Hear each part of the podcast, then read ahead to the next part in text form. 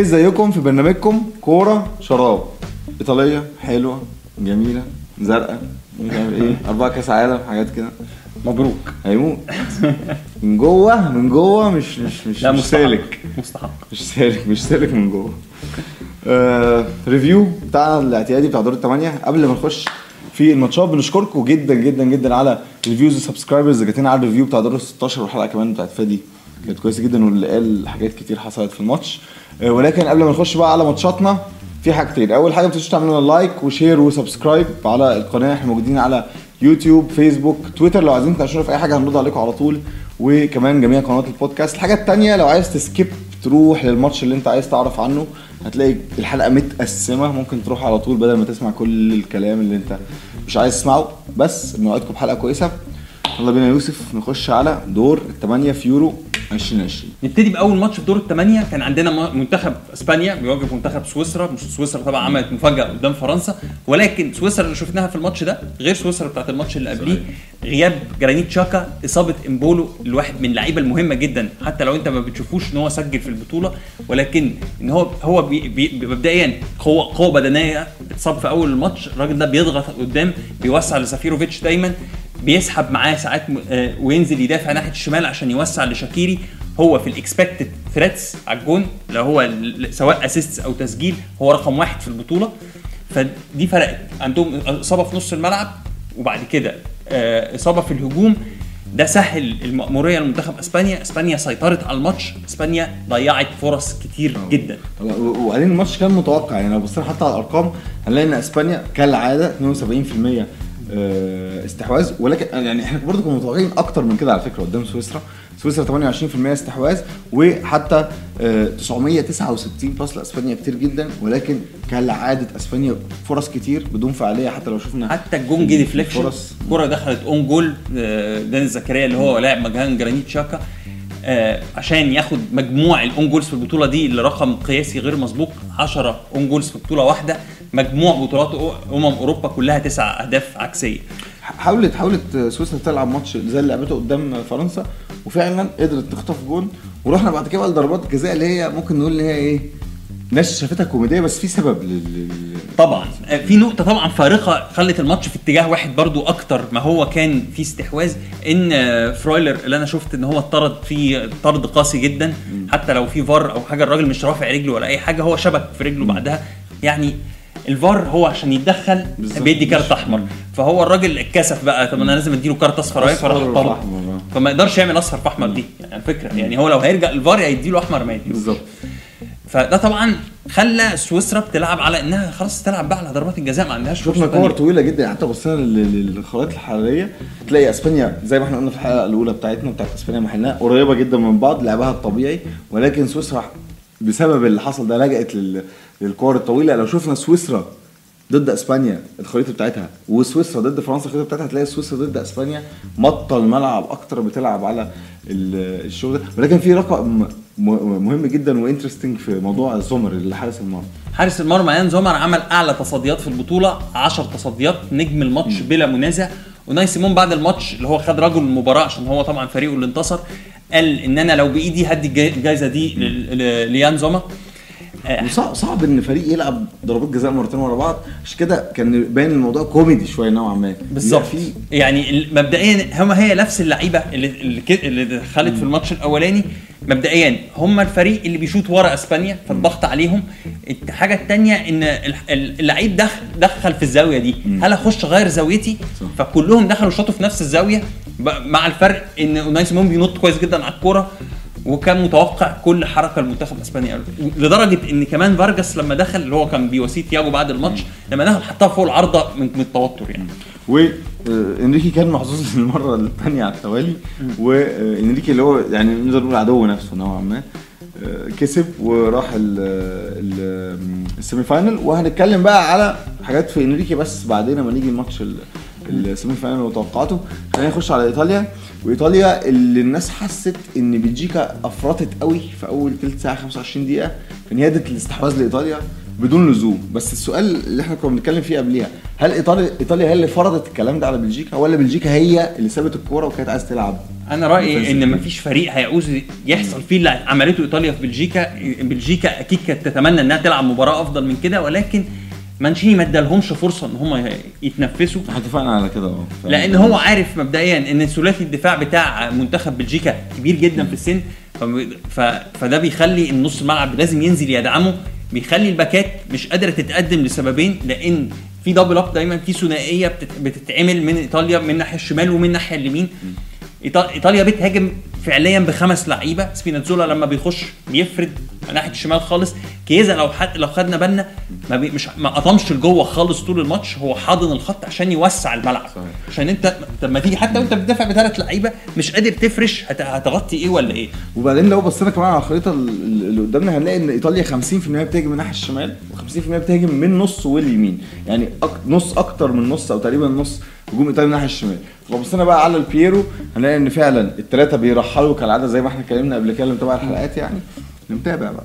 وبعدين تلاقي سبيناتزولا بيروح وبص بقى على ال overload سبيناتزولا على الشمال إنسيني وكمان بيروح له جورجينيو وكمان بيروح له فيراتي وساعات بيروح له إيموبيلي. دايما بتلاقي يا أربعة على ثلاثة يا خمسة على أربعة بتعمل مشكلة كبيرة جدا. ليه؟ لأن لما بيحصل كده يا إلا هما بيدوروا الكورة وبيروحوا بيها زي الجون بتاع إنسيني.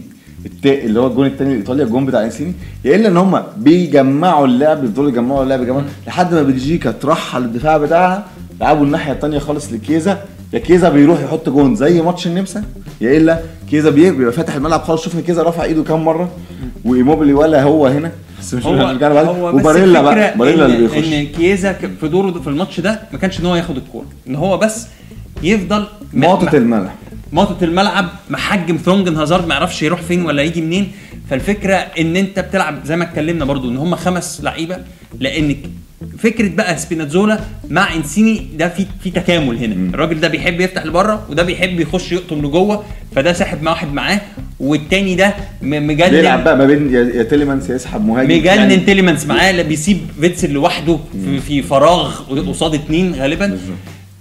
طبعا مع فتحة كيزا باريلا بقى هو اللي بيخترق مش الباك اليمين مش دي لورينزو. ولكن- ولكن- باريلا بيخترق زي ما في الجون الأولاني اللي شفنا بالظبط. بالظبط. ولكن على الناحية الثانية شفنا بقى بلجيكا استنت و... وراحت بفرصتين. إيه إيه الاستراتيجية اللي كانت بت... بتحاول تعملها بلجيكا؟ استراتيجية بلجيكا إنها بيجيب لوكاكو يمين بيلعب دي بروين في القلب. ليه؟ لأن هو عايز لوكاكو يلعب في الحتة اللي ورا سبيناتزولا وشفناه راح واحدة خدها آه، من كييليني ودوناروما صدها وواحدة تانية كمان. آه، فهو كان عايز يودي آه، لوكاكو بسرعته في الحتة دي. ولكن دي بروين عشان يودي الهجمة يطلع الهجمة. بص المساحة المساحة قد إيه؟ ما بين الدفاع والهجوم زي ما إحنا اتكلمنا لأن الايطاليا بتعمله ده بتخلي كل الناس دي ترجع ورا. عشان دي بروين يخلق الفرصة لازم ينزل كل ده ياخد الكرة ويطلع كل ده تاني. آه لوكاكو كانت مشكلته إن هو كان معزول زي في ماتش البرتغال بالظبط. منتخب بلجيكا كله كان معزول. دي بروين بيضطر ينزل مسافة كبيرة جدا وعشان والخطورة كانت كلها جاية منه في الشوط الأولاني. الشوط الثاني ما بقاش قادر يعمل الكلام ده. خد بالك هو لعب 90 دقيقة وهو عنده تمزق في ال في ال في ال ankle. آه، الناحية الثانية المفاجأة بصراحة من روبرتو مارتينيز إن هو عرف يستغل دوكو كويس جدا. اللعيب اللي عنده 19 سنة اللي بيلعب في رين سريع جدا. إحنا كلنا توقعنا ميرتنز أو كراسكو يبدأوا الماتش ولكن دوكو هو اللي كان الأمل اللي بيجي منه كده اللي هو إيه الراجل اللي بيضرب مشوار ويعدي من اثنين ثلاثة في الشوط الثاني خلي بالك حتى لو حتى ما بلجيكا حاولت شوية في الشوط الثاني تطلع بال block لفوق وتلعب اللي هي تبني اللعب كان دايما بتلاقي فيتسل وتيليمانز دايما بيقابلهم ثلاثة تلاقي جورجينيو ساقط بيعمل screening فيراتي بيجري على طول على اللي معاه الكورة ففي تفوق. عددي في تفوق دي. عددي في النص فبلجيكا فعلا توماس مونيه يعني. واحد من أسوأ ماتشاته طبعا توماس مونيه هو بديل كاستانيا اللي هو أنشط وأصغر مشكلة كبر السن إن ده الجيل الذهبي في نهايته لمنتخب بلجيكا وضحت جدا في الماتش ده. طيب خلينا بقى نروح لماتش ال semi final الأول قبل ما نخش على الماتشين التانيين ونحاول نركب فكرة إسبانيا دي اللي إحنا اتكلمنا عليها على إيطاليا إزاي ده ممكن يواجه ده؟ هل أنت شايف ان أنا شايف في رأيي وده حاجة ممكن تبقى حاجة غريبة إن روبرتو مانشيني المفروض يسيب الكرة الإسبانية لأنه مش هيعرف ياخدها منها كده كده ويلعب زي ما لعب مع النمسا في الآخر الماتش أو مع بلجيكا في آخر الماتش إن هو يلعب على المرتدات في ظهرهم. لأن أنت لو حاولت تعمل ال pressing وال counter pressing على آه، أسبانيا أسبانيا المدافعين بتوعها مش هم فيرتونج مش ألدرفيريلد هيعرفوا يطلعوا بالكورة وهيضربوا الخط اللي قدام ده كله وهتلاقي آه، موراتا وفيران توريس رايحين على كييليني وبونوتشي لوحدهم أنا. هختلف معاك بقى في النقطة دي ليه؟ لأن ده طريقة لعب منتخب إيطاليا. وال وال والستريك اللي إحنا بنتكلم عليها إن هم فريق بقاله 30 ماتش ما بيخسرش دي طريق ده أسلوب لعب. أسلوب لعب أسبا... آه، آه، إيطاليا سيبك بقى من المعتقد ال- ال- السائد إن إيطاليا ملوك الدفاع والكلام ده أسلوب لعب في الدفاع. إن عشان تخفف على الدفاع لازم ال ال الحركة دي ال- اللي هي الخماسي اللي هم يتحركوا إنك تفتح نص الملعب أنا رأيي إن إيطاليا لو لعبت ال game بتاعها هم جماعيا وكمان في في الحتة ال finish أحسن من إسبانيا. على فكرة هي فعلا آه، فكرة interesting جدا إن أنت تقعد تفكر فيها. يعني آه. هل, هل أنت هت هترجع قدام فريق بياخد الاستحواذ؟ شفناه قدام آه، السويد 84% وبيعرف يفك ال- ال- بس إيطاليا عليه. مش السويد. إيطاليا ولكن هو ما عندوش ما عندوش finisher الناحية الثانية إيطاليا عندها دفاع بس برضو استحواذها وطلوعها بالكره أكيد مش زي ال quality الأسباني. فهي فكرة تفكر فيها ك... يعني تفكر فيها كمدرب أنت فكر أنت فكر. في نوعية اللعيبة اللي موجودة في إيطاليا. ممكن يقلل winger ويزود لعيب في نص الملعب. فكر في فيراتي فكر في جورجينيو الاثنين دول لازم هيبدأوا تمام. مفيش مشكلة. بس فكر أنت بقى في كييليني وبونوتشي قدام الناحية الثانية باو توريس ولابورت في الخروج بالكورة. لا صعب. ما أنا سيبك من كييليني وبونوتشي دلوقتي. أنا بكلمك على نص الملعب. قدرة فيراتي إن هو أصلا شبه اللعيبه الأسبان جدا. الراجل طريقة لعبه هو وجورجينيو طريقة لعبهم كان أسباني. برشلونة لو تفتكر في يعني هو أسلوب لعبهم أسباني جدا. ولو دخلت معاه لوكاتيلي أنت ممكن تدخل لوكاتيلي هيبقى هيبقى شكل أسبا... آه إيطاليا كويس جدا في الماتش ده. مشكلته إصابة سبيناتزولا السلاح الأبرز مم، طبعا. في البطولة دي. آه لأن شوف إيمرسون غالبا. تأثير سبينا- سبيناتزولا مش هيأثر على ال back الشمال بس هيأثر على قدرات إنسيني إن هو يخش لوحده ويخترق. أنتوا قولوا لنا رأيكم؟ أنتوا شايفين إن إيطاليا أفضل إن هي تستنى إسبانيا بما إنها عندها دفاع أقوى من إسبانيا وإسبانيا ما عندهاش finishers كويسين وتلعب في ظهرها ولا تفضل تلعب ال game بتاعها بغض النظر عن اللي هتلعبه إسبانيا والعكس صحيح. فأنا شايف إن هي فكرة فعلا interesting جدا وهنشوف مين هينتصر الافكار وهتبقى يعني آه، وفي الآخر دي مباراة semi final الضربات الثابتة ممكن تحسم الكلام ده. بالظبط. آه وبعدين كمان ال ال ال في إيطاليا يمكن كييزا إنسيني finishing أحسن. بس زي ما قلت لك في في, في إسبانيا فكرة الخروج بالكورة إن أنت لو إيطاليا جت عليك هتعرف تخرج بسهولة ممكن تأذي إيطاليا والعكس بس ما عندكش فين يعني تحس إن كل فريق عنده الجزء الناقص اللي عند الفريق الثاني إيطاليا ما عندهاش اللي يطلع لك بالكورة من تحت والعكس صحيح. يعني حاجة فعلا very very very interesting يعني نتمنى إن إحنا نشوف مباراة قريبة وما يعني ما تتحسمش زي أغلب خلي بالك مباريات من حاجة إيطاليا وإسبانيا قابلوا بعض الأربع الأربع يورو ز اللي فاتوا. قابلوا بعض طبعا أبرزهم نهائي 2012 اللي إيطاليا أكيد ما تقدرش تنساه. أديك سؤال قبل ما نخش على ال- الماتشين التانيين. ما هي السمة المشتركة ما بين الأربع فرق اللي اتاهلوا للسيمي فاينل آه، بيلبسوا ابيض الله أكبر عليك الله أكبر عليك. الراجل اللي جايب 100 عقبة يا جماعة. فعلا الأربعة اللي لبسوا ابيض النهارده. طيب. لا لبسوا ابيض في الماتش الاخراني يعني خش بقى الماتش اللي واللي خرجوا بعده بيلبسوا أحمر. ليه؟ واللي خرجوا بيلبسوا أحمر. لا مش قصدي يعني إيطاليا مثلا الأساسي بتاعها أزرق بس هي لبست أبيض. أنا فاهم. لبست أبيض في الماتش.